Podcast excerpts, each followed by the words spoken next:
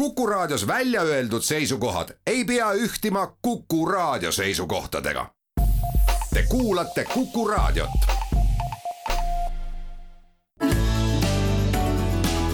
keskpäevatund. oh, kes meist ei unistaks autost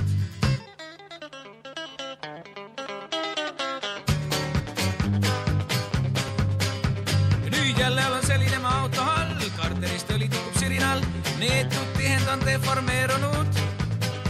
karbuss sepp pagan jussib alati, nõelklapid umbes vististi, ujuks funktsioneerimisest loobunud.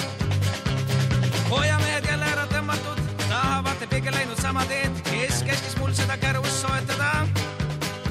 keegi ukse peale loll on kraapinud, minu olemuse hästi ära tabanud, pole mõtetki inspektsiooni teatada sumbutajas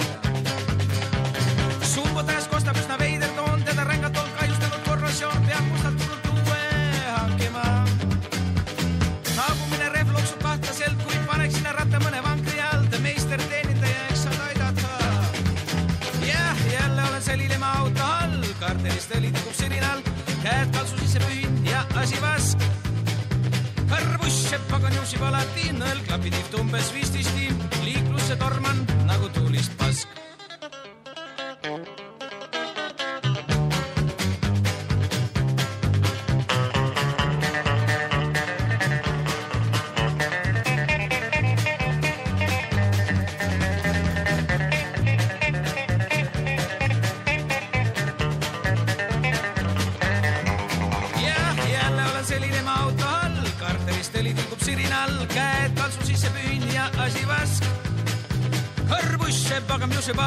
alati, nõlgapid ihtu umbes vististi, liiklusse torman nagu tuulist pask.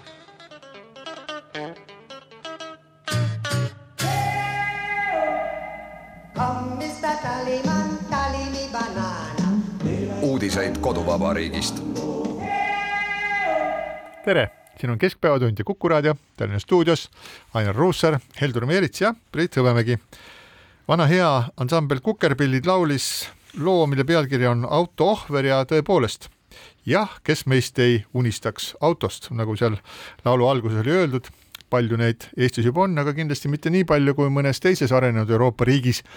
kus on umbes sama palju maad kui Eestis. aga kas ikka on enam aega seda autot osta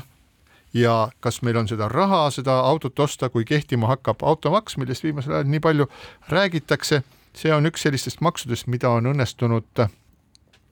edasi lükata koos kinnisvaramaksuga pikki-pikki aastaid, hoolimata poliitikute jutust, et näed, ümberringi igal pool on automaks ja kinnisvaramaks. eestlased on saanud kergendatult ohata, aga paistab nüüd, et see karikas meist enam seekord mööda ei lähe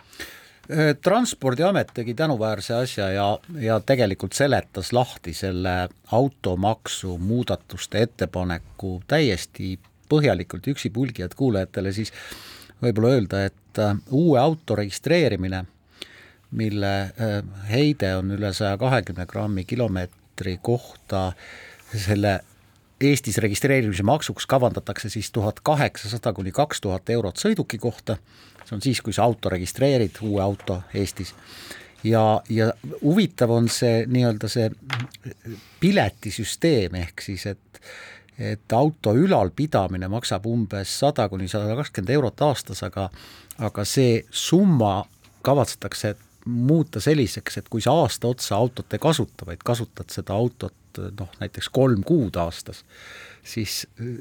on see summa väiksem. jaa, aga ma, ma kindlasti tahaks täpsustada seda, et Transpordiamet ei ole see, mis seadusi kehtestab. ei, muidugi mitte. mõnikord tehakse küll sellist trikki, et ametite kaudu lastakse avalikkusse mõned ideed äh, ringlusse, et siis nende peal kontrollida, et kuidas avalikkus selle vastu võtab, et tihtipeale me oleme ju, ma arvan, ka viimastel kuudel me oleme või viimase nelja kuu jooksul me oleme näinud, kus korraga mingi rahandusministeeriumi ametnik, kes, kellel pole üldse seadusandlikus mõttes mitte mingisugust sõnaõigust, korraga tuleb välja selliste hoogsate maksusüsteemi ümber äh, ümber korraldavate uudistega ja siis ajakirjandus hakkab sellest kirjutama, need on sellised katsetused vaadata, kuidas mingisugune idee vastu kõlab ja mulle tundub, et see, ka see Transpordiameti seekordne välja käidud kava, et see on selline väike testimine, kuna siin on palju selliseid erinevaid elemente, võib-olla vaadatakse, et kuidas siis nendele ka avalikkuses reageeritakse. jah, et äh, siis me saamegi nüüd rahandusministrit kohe aidata ja, ja, ja. neid elemente siin ükshaaval ja koos äh, hinnata ka ja, ja et, et noh, esimese hooga mulle nagu tundub jah, et, et selle saja eurose maksu pärast vist ei hakka nagu oma autot, ei viitsi oma autot Lätti hakata ümber registreerima. et, et see, et, et kui nagu uue auto hinnale tuhat kuni kaks tuhat eurot lisanduks et noh, see, see vist ei jäta ka enam, enamasti autoostjaid eh, nagu seda ostuotsust tegemata. elektriautole see hind ei lisandu, ma saan aru ja no need on, need on kõik sellised noh, nagu ideed ja katsetused ja see elektriautode osa on nagu üsna nagu kummaline, sellepärast et esiteks elektriautod on väga kallid, neile siis praegu seal mingi neli-viis tuhat eurot on sellele siis on, kehtib ka toetus, ma ei tea sellest, kas toetus jääb kehtima või ei jää kehtima, sellest me muidugi midagi ei tea. Elektriautod ei peaks siis ilmselt maksma ka seda äh, igakuist või seda noh, praegust välja pakutud piletisüsteemi ja ka mitte seda hinda, mis alguses ja mis me siis nagu ta-, mis me siis, kuhu me siis jõuame, ütleme, kui pla-, vaatame tulevikku, et äh, läheme mingisuguse ime tõttu hoogsalt üle siis äh, elektriautodele, siis tuleb välja, et äh, automaks lihtsalt sureb, suretab iseennast välja sellesama äh, elektriautodele eelistuste tegemise tõttu? no siiski need eh, kriitikud on nagu osutanud ja et, et et eh, maal elab suhteliselt palju inimesi ja et, et kes on sunnitud kasutama vana, vana ja noh, ilmselt selle süsteemi järgi mitte väga soositud autosid, nii et ja, ja noh, samas need inimesed ilmselt ei ole ka uute ja kalliste elektriautode ostjad, nii et, et küll, küll, küll riik siit ikka nagu selle raha kätte saab. siin on palju nüansse jah, ja kui sa, Priit, viitasid, et ah, et uhke, et võib-olla mõned registreerivad oma oma auto ümber hoopis Lätis, Soome ei ole mõtet registreerima minna, Soomes on ka automaks, siis, siis selle vastu on ka Transpordiamet välja käinud ühe idee, et sa ei saa lihtsalt äh, Eesti liikluskindlustust teha, enne kui sul oli ette näidata see, et sul on automaks makstud. kõik, punkt jaa, noh, eks siin võib igasuguse ka, paistab, et see olukord on selline, et et ühel pool lauda istuvad kodanikud, kes mõtlevad, kuidas süsteemi alt vedada ja teisel pool lauda istuvad ametnikud, kes mõtlevad, kuidas siis kodanike süsteemi alt vedada sü, süsteemi altvedamist omamoodi ära rikkuda ja nii edasi ja nii edasi, et no ma ei tea, kas selline riigi, riigimajandus ja riigi rahandus peab tingimata niimoodi käima, et on kaks vastandlikku poolt ja kumbki üritab te,, üritab teisele käru keerata. et äh, selge on see, et ega see automaks nüüd äh, mingisugune autoomanikele mingisugune rõõm ega õnnistus ei ole. ja ma arvan, et noh, enamus inimesi, kes siin elavad, suur, suur hulk neid inimesi, kes elavad Tallinnas, suur hulk neid inimesi, kelle sissetulekud on ääremaadega võrreldes äh, arvestatavad, siis neid see sada eurot kuus või paar tuhat eurot uue auto ostmisel, ma ei, ma ei nimetaks seda ostmiseks, sellepärast et autosid ikka tänapäeval ju neid autosid liisitakse, sest et auto teatavasti ei ole mingisugune selline kap-, selline äh, asi, kuhu oma raha sisse paigutada, et kui sa kujutad ette, et sa ostad mingisuguse, ma ei tea, kinnisvara, mis maksab X äh, eurot ja siis äh, marsid pangast välja ja või astud majja sisse, siis noh, kümne aasta pärast see on tõusnud kakskümmend, kolmkümmend protsenti selle kinnisvara hind, kui sa ostad, kui sa ostad uue, ostad uue auto, ja sõidad sellega poest välja, siis sellest hetkest alates on selle auto hind langenud kakskümmend kuni kakskümmend viis protsenti, sest ta ei ole enam uus ja poest, nii et selles mõttes ei ole mingit mõtet autot üldse päriselt nii-öelda välja osta, kui sa ei osta lihtsalt mingit vana kasutatud autot, mille, millele pole mõtet nagu seda liisingut teha, minu nojah, siin on palju nüansse ka, no sinu poolt mainitud liisingulepingutes, mis äh, on tänaseks sõlmitud seal puudub igasugune viide mingisugusele automaksule, et kes siis selle automaksu peab nagu maksma, kas kas see, kelle käest ma liisin või mina või noh, see on nagu reguleerimata, aga tegelikult ähm, tegelikult muidugi see suur idee on õilis, et oleks rohkem keskkonnasõbralikke ja säästlikke, säästlikke autosid tulevikus, iseasi, kas see ka, kas see ka nii läheb, aga noh, auto pidamine ilmselt läheb kallimaks, kui arvestada ka käibemaksu tõusu ja aktsiisimaksu tõusu ehk siis kütust. nii et noh, sellega peavad kõik autoomanikud arvestama, mitte ainult autoomanikud, ka need, kes võtavad siit tänavanurgalt korraks rendiauto, peavad arvestama ilmselt suurema hinnaga. no suur küsimus on ikkagi selles ja et, et kas siin maainimestele nüüd tekib mingisugune, mingisugunegi allahindlus või, või, või alternatiiv, mitte omada autot. nojah, sest no maal sul ei ole lihtsalt see ühistransport, mis on, eks ju, et, et noh, see võib ju kohati küll ka tasuta olla, aga kui ta käib nagu valel ajal ja, ja valesse kohta. või kord päevas. jah, et, et siis, et, et siis, siis see auto omamine on ikkagi nagu su sundvalik, et, et seal sul ei ole millegi üle valida, et, et noh, siis alternatiiviks on no reaalselt ikkagi Tallinnasse kolida jaa, et ma, mina vaatasin kohe, kui ma lugesin seda, seda jah, seda Transpordiameti neid ettepanekuid, siis ma vaatasin, et ettepanek oleks luua Eestis esmase mootorsõiduki registreerimise maks uutele kasutatud sõiduautodele CO2 heitmega üle saja kahekümne grammi kilomeetri kohta, keskmise maksumääraga umbes tuhat kaheksasada kuni kaks tuhat eurot sõiduki kohta, jah, küllap siis rahandusminister praegu kuulab, mis me siin räägime, ma kohe,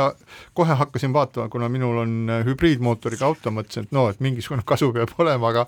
mõtlesin, et kas mahun selle saja kahekümne sisse, aga ei tutkit, ei olnud midagi, oli sada viiskümmend üks, nii et ma ei pääse, nii et äh, ilmselt tuleb veel pingutada, küll aga ma olen märganud, et väga paljud autojuhid on hakanud Äh, paljudel autojuhtidel, eriti suurte luksusautode juhtidel on hakanud tunduma, et nad sõidavad äh, siis elektriautodega, sest kui ma sõidan äh, mööda Paldiski maanteed linna poole, siis ühissõidukil rajal, kus tohivad sõita ühissõidukid või siis elektrisõidukid, siis ma vaatan, et äh, hommikuti on see paksult täis selliseid saunasuuruseid BMW maastureid ja mida suurem, uhkem, läikivam, seda rohkem ta hoiab sinna elektrisõidukite rajale. siis ma huviga vaatan, et kas neil taga on mingisugune sinine lambike, mis ütleb, et on elektriga, aga ei ole, nii et võib-olla see elektriga on nii, et võib-olla kui sulle väga tundub, et sul on elektriauto, et võib-olla see aitab siis, aitab siis ka kuidagi mööda pääseda sellest maksust, aga lähme, lähme teiste maksude juurde ka, et automaks on ainult üks maks ja no ma, ma tõesti südamest loodan, et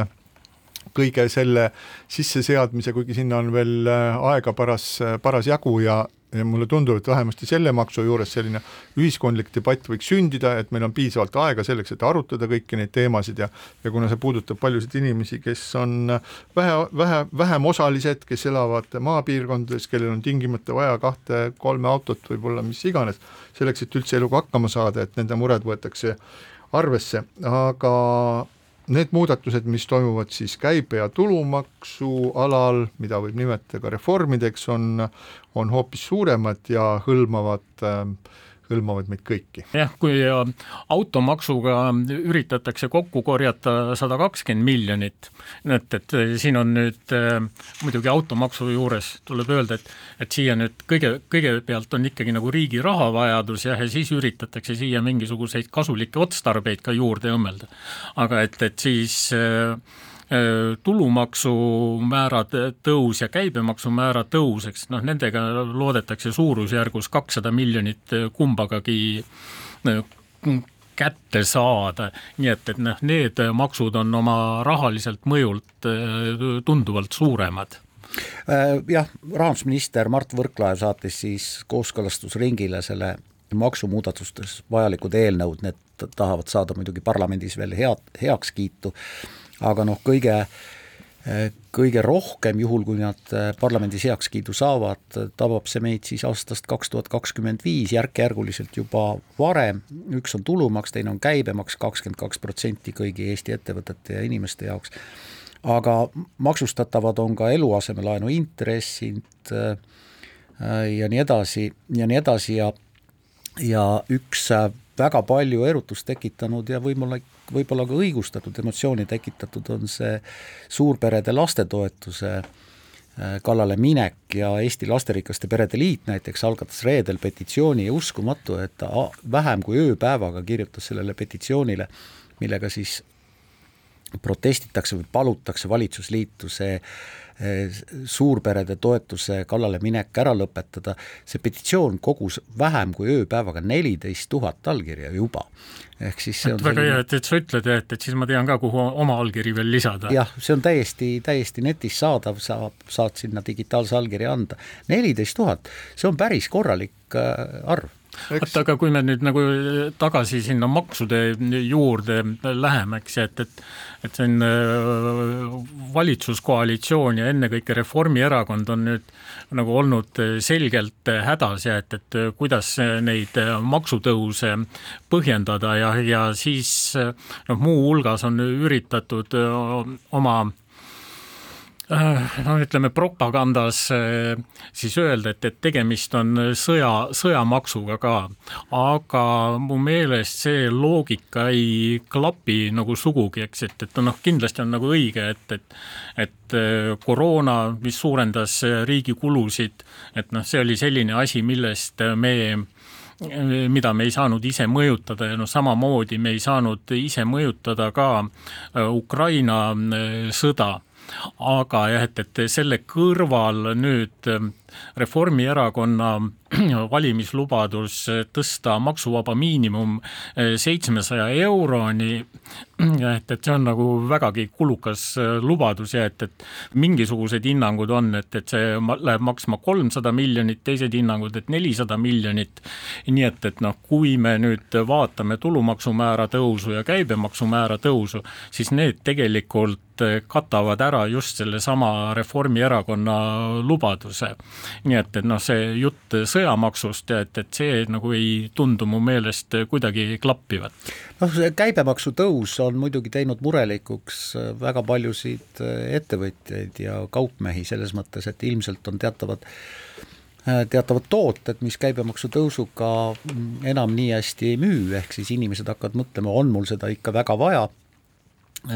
mitte lihtsalt ei, ei täida oma ostukorvu ja muidugi me oleme selles saates siin ka varem rääkinud sellest, et majutusasutuste mm, sooduskäibemaksu kaotamine tegelikult ilmselt tõepoolest kohati lööb mõnesidki majutusettevõtteid või vähemalt mõnesid piirkondi, mis, kus turism enne pandeemia algust justkui oli oli kasvav trend ja tõusudel näiteks Ida-Virumaa, siis kindlasti saavad sealsed imeilusad mõisamajutuspaigad natukene pihta. vaata, see on nüüd natukene nagu segane lugu, eks näed, et kui, kui sinagi palju reisiva inimesena, et, et nüüd mõtled, et kas lähen ühte, ühele või teisele või kolmandale maale, et, et no ma nagu hästi ei usu, et, et sa nüüd seda hotellide käibemaksumäära vaatad. ei, ma vaatan juures. hotellitoa hinda. no just, just, just jah, ja noh, kui see üks, üks hotell tundub sulle kallipoolne et, et noh, et siis sa nagu lihtsalt valid natukene odavama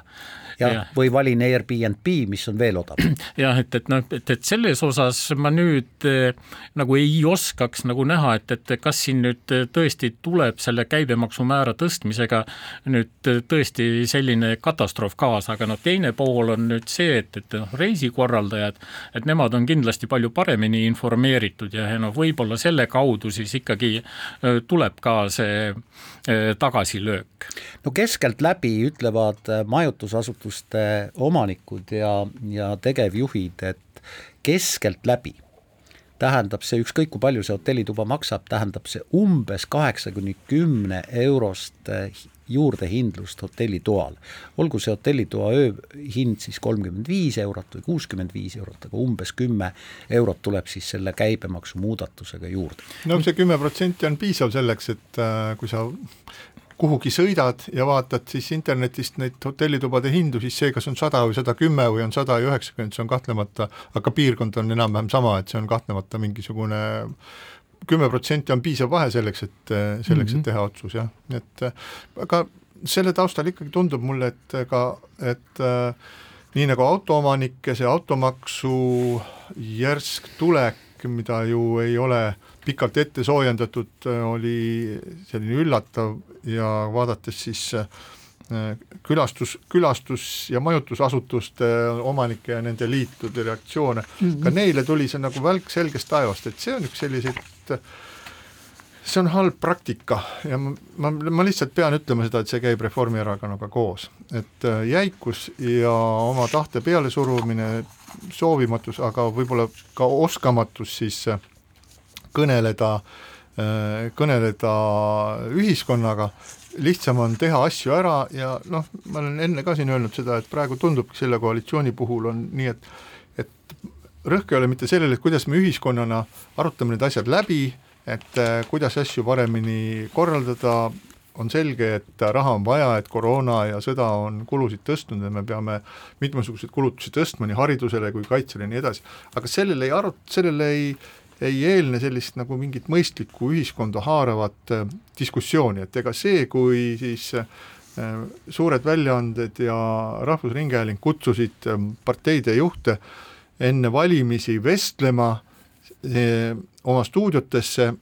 ja rääkima siis plaanidest, ega see ei ole mingisugune nagu diskussioon ühiskonnas, see on lihtsalt nagu ajakirjanduse osa, aga see, et arutada korralikult ja põhjalikult läbi äh, automaksuga seonduvad küsimused, et viimasel nädalal on päris erinevates väljaannetes olnud päris huvitavaid ettepanekuid ja mõtteid, kuidas neid, kuidas automaksu võiks korraldada, aga ma kuidagi ei näe seda, et see jõuaks kuskile kohale, et siis, kui ilmub Mart Võrklaev kuskile televisiooni, siis tal on endiselt hall ülikond seljas, nägu on jäik ja, ja pall põrkab tagasi, nagu oleks siis äh, lapsed mängiks, harjutaksid tennist, taoksid palli vastu seina, et seal ei ole diskussiooni, seal ei ole nagu soovi vastu tulla tulla ja arutada sellises inimlikus, emotsionaalses ja võib-olla niisuguse nagu soojas no, üks, üks probleem on siin selles ja et, et me räägime nüüd äh, diskussioonist, mis toimub pärast valimisi, nagu tegelikult oleks õige koht olnud äh, sellise diskussiooni jaoks enne valimisi, sest et ähm, seesama automakski, eks, et noh, et see nagu ikkagi on niisugune valimiste järgne üllatus meile ma, kõigile. on absoluutselt, aga ütleme niimoodi, et viimases hädas võiks ka praegu seda teha, sellepärast enne valimisi ju ei olnud, me oleme siin nagu korduvalt sellest rääkinud,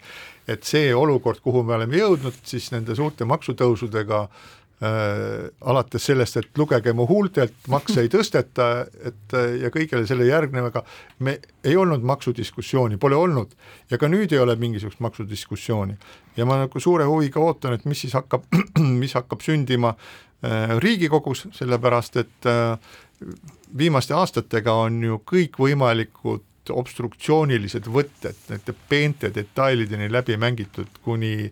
kuni kümnete tuhandete ettepanekuteni, siis äh, aja venitamist ja nii, edasi nii edasi, nii et äh, mingisuguses aspektis on võimalik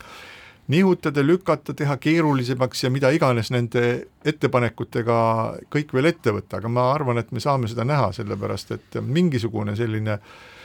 äh, ühiskondlik kaasatus ka seal Riigikogus peab toimuma, see lihtsalt ei ole võimalik niimoodi, et võidetakse valimised, siis öeldakse nii, äh, me oleme ju teile juba maksu muudatuste eh, siis eh, eelnõud on valmis tehtud, need on meil juba kapis, nüüd me lükkame need masinasse, nüüd Riigikogu enamusega jahvatame neid läbi, kui teile see ei meeldi, siis me teeme valitsuse usaldushääletuse, paneme kõik kobarasse ja palun väga, hakake maksma, see ei ole sugugi tore. see on jah, nagu kurb ja traagiline isegi, et, et, et nende maksumuudatuste puhul meil läheb niisuguse poliitiliste protseduuride peale see tähelepanu jah, aga see sisuline maksudebatt võiks äh, rääkida sellest, et, et mida me siis nagu õigupoolest äh, äh tahame saavutada, et nüüd on Rahandusministeerium teinud ka tänuväärse analüüsi, et, et kuidas siis need maksumuudatused hakkavad ennekõike tulumaksu osas, hakkavad inimeste elu ja olu ja ka, ka ühiskonda tervikuna mõjutama. ja ma ei tea, kas, kas tõesti nagu see oligi Reformierakonna eesmärk ja plaan jah, et, et, et selle seitsmesaja eurose tulumaksuvaba miinimumiga nagu võidavad just kõige rohkem suure sissetulekuga inimesed. seesama Reformierakonna poolt vihatud maksuküür tõi kaasa selle, et, et Eesti ühiskonnas ebavõrdsus vähenes ja nüüd need, need samad maksumuudatused taas jälle suurendavad ebavõrdsust ja et, et et noh, võib-olla nagu Reformierakond lihtsalt, et kuigi neid peetakse majanduse osas pädevateks, et võib-olla nad ikkagi nagu nii pädevad ei ole ja, ja nad nagu ise ka ei teadnud ja et, et millise millise džinni nad pudelist välja lasksid. nojah, kordan üle see, Heldur, sinu mõte, et maksudiskussiooni aeg on tegelikult möödas, õige aeg seda pidada oli enne valimisi ja noh, huvi, huviga muidugi saab jälgida Riigikogu hääletusel, kuidas hääletavad sotsid. kindlasti ja, ja miks seda maksudiskussiooni ei olnud siis enne valimisi, selle kohta on ju peaminister Kaja Kallas lihtsalt öelnud, et see oleks vähendanud Reformierakonna äh, populaarsust, et seda ei saanud pidada, kuna see ei oleks kaasa aidanud sisuliselt äh, valimisvõidule. kusjuures Kaja Kallas ei valeta ei valeta, ta ütleb, ta täpselt niimoodi välja ütleski, aga tänases Postimehes kirjutab siis Mikk Salu, kes analüüsib, et kelle valijad saavad pihta ja kelle valijad võidavad nendest planeeritud maksumuudatustest, siis ütleb ta nii, et rahul võivad olla Reformierakonna valijad. Norstati küsitluste järgi on Reformierakonna reiting üle neljakümne protsendi selles grupis, kes teenib üle kahe tuhande euro kuus ja kaks tuhat pluss eurot kuus teenijad on ka tulumaksureformi suurimad võitjad Nemad on tulumaksureformi suurimad võitjad, kes teenivad üle kahe tuhande euro, palun. ja rahul võib olla ka Eesti kakssada, kaotajad on aga Keskerakonna, Eesti Konservatiivse Rahvaerakonna, EKRE ja sotsiaaldemokraatide valijad, mõelge selle peale. Keskpäevatund. keskpäevatund jätkab, Ainar Ruussaar, Heldur Meerits ja Priit Hõbemägi Kuku raadio stuudios ja räägime ka Ukraina abistamisest, see on üks teema, millele on väga palju aega ja ruumi pühendatud nii eetris kui veebis kui paberi peal. jutt käib siis äh, Ukrainat abistavast äh, MTÜ-st Slava Ukraini ja selle juhist, äh, Eesti kakssada liikmest Johanna Lehtmest, kes sai siis riigikogu väliskomisjoni vastne liige. riigikogu väliskomisjoni vastne liige jah, ja kelle tegevuse ümber on siis hästi palju küsimärke, millele ei ole siiamaani vastust saadud, et äh, eelmine kord me rääkisime sellest, et äh, Eesti kakssada on äh, distantseerunud nendest küsimustest, öeldes, et kui ükskord siis saab see audit tehtud, millest ei ole mitte tuhkagi kuulda tänase päevani ja millega tegeleb siis Marika Priske, et siis me vaatame, aga me ei hakka sellega tegelema, samal ajal siis ähm, tegeleb ajakirjandus, tegeleb äh, Postimees, tegeleb ka, tegelevad ka meie kolleegid ja konkurendid äh, teistest meediamajadest, nii et äh, kogutakse informatsiooni, ajakirjanikud viibivad ka Ukrainas juba, kohtuvad seal inimestega, teevad intervjuusid, koguvad andmeid, ehk selleks, et aru saada, et mis, mida, kuidas see Slava Ukraini asi on seal Ukrainas ikka käinud ja miks sellega ajakirjandus nii põhjalikult tegeleb, siin on kaks põhjust, üks on see, et avalikkuses on väga palju kahtlusi raha kasutuse kohta, see on esimene, teine küsimus on see, Slava Ukrainilt, tema nõukogult ega ka nendelt audiitoritelt pole siiamaani paljudele vastuoludele tulnud mitte mingisugust selget vastust. Ja kolmas on see, et Slava Ukraini kogus paari kampaaniaga umbes kuus ja pool miljonit eurot Eesti elanike äh, annetatud raha, esimene suur kampaania, selline massiline kampaania, mille nad tegid äh, talvevormide, mm, talvevormide õmblemiseks, mille nim-, nimetus oli siis Tuhat kangelast lumes, kogus ühe päevaga üle miljoni euro, see näitab, milline massiivne äh, toetajate hulk oli, inimesed andsid vabatahtlikult oma raha ära ja kui nüüd on tekkinud kahtlused, et kas see rah-, kõik, kogu see raha on ikka kulutatud Ukraina, ukrainlaste abistamiseks või on osa sellest rahast, isegi kahtlustuste järgi ebaproportsionaalselt suur osa läinud mingitele vahendajatele, kes ise ei õmble, ei ehita, ei tee mitte midagi, vaid lihtsalt vahendavad kahte erinevat teenusepakkujat, siis see tundub täiesti ebaõiglane ja sellepärast tulebki ajakirjandusel see tõde välja selgitada, kui seda ei suuda teha audiitorid ega erakonnad ise. just nimelt, ajakirjandusel on siin erakordselt suur roll, sest et äh, emotsionaalselt kokku kogutud abiraha eest äh, hakata veel eraldi palkama eraldi kontrollijaid, äh, kellele see abiraha suunata, on minu meelest mõttetu, siin on ajakirjandusel tõesti suur roll ja ja tegelikult Postimees on saanud selle asjaga suurepärast hakkama, kui me vaatame asja natuke laiemalt kõigisse kriisikolletesse suunatav abi on tegelikult rohkem või vähemal määral ohustatud. Ja ma olen ise korduvalt näinud, ähm, kuidas kriisikollete turgudel müüakse selgelt kaupa, mis ei ole pärit sellest riigist, vaid mis on ilmselt pärit abipakettidest, näiteks kaks tuhat kaheksa äh, augustisõja järel Gruusias.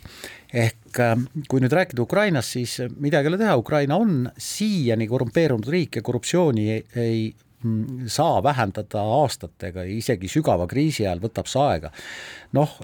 mõnel pool annab, annab see järgi, räägitakse, et need mm, Ukraina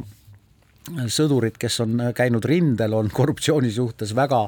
väga tundlikud ja see on avaldanud oma mõju, aga kindlasti on tagalas väga palju korruptante siiamaani ja ja kui vaadata kas või Transparency Internationali viimast äh, korruptsiooni tajumise indeksit, siis Ukraina on saja kuueteistkümnendal kohal koos selliste riikidega nagu Zambia ja Mongoolia. Eesti on neljateistkümnendal kohal. Venemaa on natuke veel tagapool, saja kolmekümne seitsmendal kohal, ehk siis tegelikult noh, see korruptsioon paratamatult sirrutab oma, oma räpased käed ka abiraha äh, abiraha äh, juurde, nüüd on iseasi tõepoolest see, et kuidas seda abiraha äh, saatmist sihtmärgini kontrollida niimoodi, et sealt midagi vasakule ei lähe, see on hea küsimus. et kui me räägime heategevusest üldisemalt ka, et siis see alati algab ju mingitest headest mõtetest, südamlikest inimestest jah, aga et nagu kõik muud valdkonnad, et see nõuab ka ikkagi professionaalsust ja teadmist ja et, et esimene aspekt on äh, siin see, et, et kui palju nüüd selle heategevuse äh, mehaanika enda ülalpidamiskulud on, et neid, äh, et, et kui palju sellest annetatud rahast siis nagu jõuab selleks heaks otstarbeks endaks. ja noh, teine pool on nüüd tõesti see, et et kui palju siis eh, sellest rahast läheb eh, mingisuguste, läheb nii-öelda vasakule, et, et kui palju on seal pettusi, ma ei tea, kui, kui palju me nüüd nagu niisugustes olukordades peame tingimata korruptsioonist rääkima, et, et noh, see lõhnab küll nagu rohkem sellise tavalise pettuse järgi jah, ja noh, et, et tõepoolest nagu Ukraina inimeste ettevõtlikkus, et see avaldub nagu väga-väga erinevates suundades, eks, et noh, kas või need samad eh, telefoni ja internetipettused, et noh, need on nagu täitsa arvestataval määral ka Ukrainast eh, pärit. Ja, ja eh, nüüd see, mis Slava Ukrainiga toimub jah, et, et see nüüd on nagu lihtsalt üks üks ilmnemisvorm ja ük-, ja noh, tundub jah, et, et siin nagu see, need ohud ongi realiseerunud, kuigi et, et see, mida Johanna-Maria Lehtme on rääkinud, noh, tundub, et, et ta just nagu põhimõtteliselt teab jah, et, et kuidas neid asju ajada, kuidas oleks õige, kuidas riske noh, kui, kui mitte välistada, siis minimaalseks viia jah, aga samal ajal noh, et tundub, et mingit sorti kodupimedus on tal olnud, et tal on nagu seal vaateväljas vist olnud üks niisugune pime nurk ja et, et mida siis on äh, ettevõtlikud inimesed ära kasutanud, kui nii jutumärkides tohib väljenduda ka Ukraina abistamisel nagu üldse rahvusvahelise äh, abi andmisel, kas või pärast Türgi maavärinat, on kaks põhimõttelist lähenemist. Äh, koguda emotsionaalselt kokku inimeste annetused ja saata raha kohale kus siis õmmeldakse vorme, ma ei tea, pannakse saabastele taldu või remonditakse mikrobusse välikiirabideks, või teine võimalus, soetada abiraha eest mingisuguseid asju siin ja toimetada need asjad, mis on soetatud siin mitte raha kulul, vaid esemete kulul siis juba konkreetse sihtmärgini, noh näiteks Lvivi lastehaigla sai siin kogutud raha eest siit ostetud elektrigeneraatorid, mis viidi Lvivi lastehaiglasse äh, kohale, et see teine variant on keerulisem, võib-olla natuke kallim, aga kindlasti võimalus, et midagi vasakul läheb, on väiksem see on õige jah, et äh, praegu sinu juttu kuulates ma mõtlen ka, et äh, see on olnud ju Slava Ukrainil selline õilis äh, lähtepunkt, et selle asemel, et siin maksta sellist Lääne-Euroopa hinda mingisuguste toodete eest ja kõiki neid makse ja nii edasi, on lihtsam seda teha seal kohapeal, aga nüüd see skeem, mida nii Postimees kui siis kolleegid, konkurendid on tänaseks päris selgelt välja selgitanud, on see, et äh, just nimelt selles ketis, kus kohas koha peal hakatakse tellima siis kas vorme või, või kiirabiautode ümberehitamist või busside, mikrobusside ümberehitamist kiirabiautodeks, just nimelt seal kohas, kus asi läheb nii-öelda Eesti-poolsete organisaatorite silma alt ära, tekivad siis vahemehed, kes võtavad, otsivad omakorda alltöövõtjaid, kes võivad omakorda otsida alltöövõtjaid ja seal läheb siis kogu see arveldus juba käest ära, ehk et see kohalikud korraldajad ei kontrolli enam, et kas see kolm tuhat viissada, mida küsitakse ühe bussikese ümberehitamise eest, on ikka tegelikult kolm tuhat viissada või see on lihtsalt arvevabariku toodetud mingisugune number ja tegelikult on see sada viiskümmend ja siis sealt jääbki mingisugune üle kolme tuhande jääb kellelegi kätte ja, ja neid siis Äh, neid on, äh, selliseid olukordi on siis ilmnenud nii talvevormide puhul, kus jällegi tuleb välja, et need inimesed, kes meie silmis on vabatahtlikud abistajad ja keda Eesti ajakirjanduses on vabatahtlike abist-, kohalike abistajatena esitletud, tuleb välja, et nad on tegelikult sellised erksad ärimehed, kellel kõigil on väike business, mis tegutseb täpselt sellel samal alal ja et nad äh, meie jaoks on nii-öelda äh, Äh, õilisinged, kes midagi aitavad ja sealtpoolt vaadates teevad business'it, aga see võib olla ka selline kohalik, kohalik eripära, eks äh, sõda on kindlasti väga keeruline, paneb inimeste võib-olla instinktid äh, erineval kombel tööle, mõnda paneb varastama, mõnda paneb äh, tasuta tegutsema. aga noh, me vist ei tohiks seda last pesuveega ka ei, välja, välja visata, et, et äh, noh, kui sa, Ainar, ütled, eks, ja et, et noh, mingisuguseid asju on nagu targem äh, nagu siin osta ja Ukrainasse viia, noh, et, et ma usun, et, et paari või paarikümne generaatoriga võib see küll nii olla, eks jah, aga nüüd see, et, et nüüd hakata tekke ja patju ja riideid ja mida kõike niimoodi nat-, Naturas siin koguma, sorteerima, transportima, et see, see on nüüd küll väga, väga ebaefektiivne. ei, selle, sellega ma olen nõus, ma pigem viitasin nagu sellele, et võib-olla peaks äh, jah, noh, kuidas seda teha, et võib-olla peaks seda ka seda rahalist abi, mis jõuab raha kujul Ukrainasse, et seal koguda tekke või õmmelda vormipükse või ehitada ümber autosid, võib-olla peaks seda tegema ka kuidagi sihitatult, aga see on hästi keeruline, ma saan sellest täiesti aru. ja igal juhul on hea, kui sellises MTÜ-s on olemas oma kontroller, kes peab kõikidel arvetel ja kõikidel asjadel kuni lõpuni silma peal ja siinkohal väike paus. keskpäevatund keskpäevatund jätkab, Ainar Ruussaar, Heldur Meerits ja Priit Hõbemägi. selle nädala teisipäeval teatas Taavi Veskimägi, Eleringi juht, väga ilusasti vormistatud teates, et äh, astub poolteist lah-, mitte ei astu, vaid lahkub poolteist aastat enne oma lepingu lõppu ametist. Taavi Veskimägi väga kõrge profiiliga äh, ametnik ja poliitik, üks äh, Erakonna Res Publica asutajatest, valitsuse minister pikka aega, Eleringi juht, kes, äh, inimene, kes äh, ei, ei karda astuda sõnasõtta ja jõukatsumisse väga väga oluliste Eesti ärijuhtidega, ettevõtjatega või valitsusliikmete ja ministritega. Ja kes võiks öelda, et oli nii mõnelegi siis ettevõtjale ja ka ja ka poliitikule pinnuks silmas, on otsustanud, et ta lõpetab oma töö sellel ametikohal. Ja kui ma mõtlen, et kes siis äh, kui meenutame siis möödunud sügisese ja selle kevade suuri uudiseid, eriti mis puudutavad siis Paldiski LNG terminali lõputuid kraaklemise mingisuguse käpa pärast, et kas käpp on või käppa ei ole, kas lepingus on kirjas seda või lepingus oli kirjas seda, lõppkokkuvõttes kõigi jäigi hämaraks, sest keegi ei pannud mingisugust paberit lauale ja lõpuks öeldi, et mingeid pabereid üldse ei ole olemas. Et äh, sealt jäi Taavi Veskimäest mulje kui sellisest äh, jäigast äh, nagu kokku kasvanud selgroog, paindumatu selgrooga ametnikust, kes pooldab riigikapitalismi ja eraettevõtjatele kuigi palju mingisugust rolli majanduse edendamises ja eriti energeetikas ei näe, aga nüüd on ta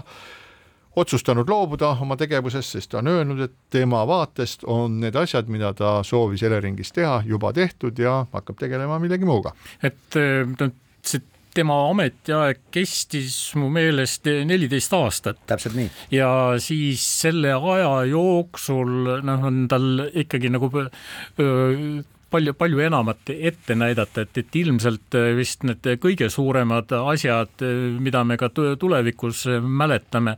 on elektri- ja gaasiühendused kaugemate maadega. Ja Taavi Veskimägi ise on küll nagu deklareerinud, et, et ta on nagu väga-väga turuusku ja noh, ka elektri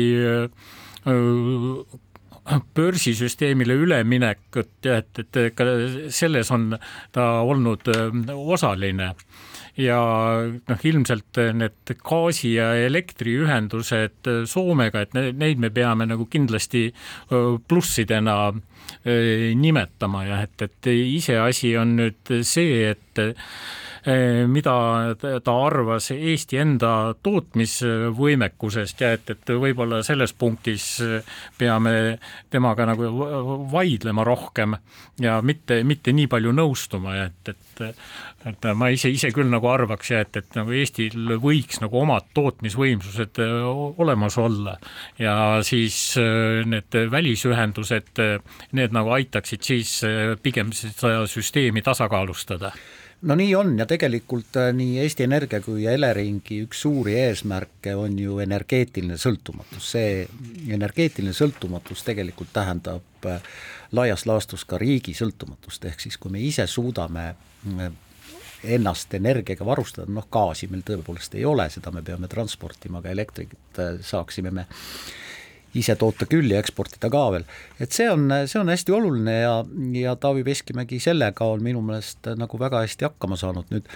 mõned, kes räägivad, et suur eesmärk on ka see, et viia enamus elektripõhiliine äh, posti otsast maa alla, siis see on natuke liiga kallis ülesanne ja ja ilmselt äh, ei, ei tasu ennast ära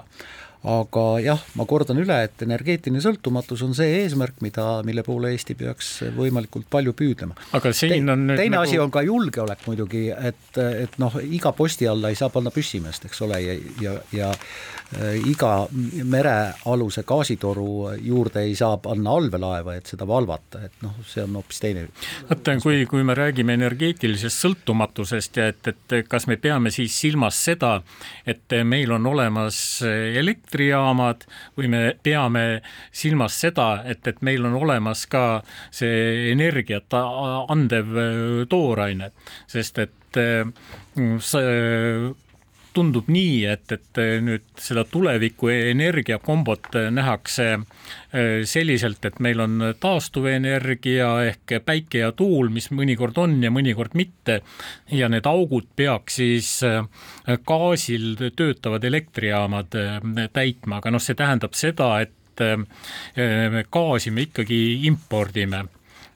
Et selle eest. Ja pankade analüütikud on hinnanud, et äh, kaks tuhat kakskümmend kaks me maksime kõrgemate energiahindade kaudu äh, circa miljard eurot täiendavalt ja see suuremas osas see raha läks Eestist välja, et, et ja see on mu meelest probleem. no kui ma vaatan seda, kuidas, milliseid energeetikaalaseid otsuseid Eestis on tehtud, siis ma arvan, et ega ilma Taavi Veskimäeta ei oleks need Soome, Soomega, Soome ja Lätiga loodud ühendused ehitamata jäänud, et need olid, need oleks ehitatud tõenäoliselt nii või teisiti, kuna see on nagu hädavajalik Eesti energeetika jaoks. Taavi Veskimägi oli Auvere jaama ehitamise vastu põhimõtteliselt ja on äh, seda siiamaani, nagu ta ütleb seda Postimehes äh, antud intervjuus, et see oli vale ja kui temalt siis ajakirjanik äh, küsib, et et kas viimane kriis ei näita, et eksisite, kui arvasite, et jaama pole vaja, siis ta ütleb, et äh, oleks pidanud, et jaama on ikka vaja, aga oleks pidanud mitte selline saastav jaam põhimõtteliselt, vaid mingisugune teistsugune, aga see on niisugune klassik, klassikaline Veskimägi, et äh, kui meil on olemas midagi, kui meil on olemas jaam, siis äh, see funktsioneerib, me saame seal põletada äh, põlevkivi, kui meil seda jaama ei ole, siis me ei saa seal midagi põletada, siis meil jääb üle kasutada gaasi, seepärast et muid energeetilisi varusid meil ei ole. ja minu meelest on niimoodi, et sellised äh, väga silmapaistvad ja ülijäigad ametnikud ei ole hea nähtus riigis. et äh, see jätab, tekitab selliseid taskuid, kus valitseb üks arvamus, kus valitseb üks inimene ja sellisele laiemale ja, ja sealt lõigatakse ära selline laiem arutelu, et me nägime seda selle Paldiski LNG terminali juures, kus toimus selline, kuidas öelda, nagu betoonist äh, betoonist keraga pingpongi mäng, kus kaks poolt lõid äh, teineteisele seda palli ja kuskilt ei olnud näha seda, et oleks riigi poolt olnud mingisugust soovi, kuidas siis äh, teha erakapitaliga koostööd, kuigi see koostöö oli täiesti õhus. nojah, siin on äh, sellel terminali puhul on alati kaks poolt, ega siis eraettevõtjate poole ei olnud ka Äh, ka enda tagalat kindlustamata jätnud, aga saame, jääme huviga ootama südasuve, et esimesel juulil Taavi Veskimägi lahkub ametist, nii Postimehele kui ka Kuku raadiole on ta öelnud, et mingit pikemat puhkust ta võtta ei kavatse, nii et jääme ootama, kuhu see poliitika tippjuht edasi liigub. võiks minna eraettevõtlusse, ta on peetinud eraettevõtlust nii pikalt, et ta võiks nüüd ise sinna minna ja siis, siis ta kahtlemata ta, ta ju teab väga hästi seda, et eraettevõtted eraettevõtluse eesmärk on kasumit teenida ja seda neile ette heita on rumal. aga sellega lõpetame oma tänase saate, täname teid kuulamast ja kohtume taas nädala pärast. keskpäevatund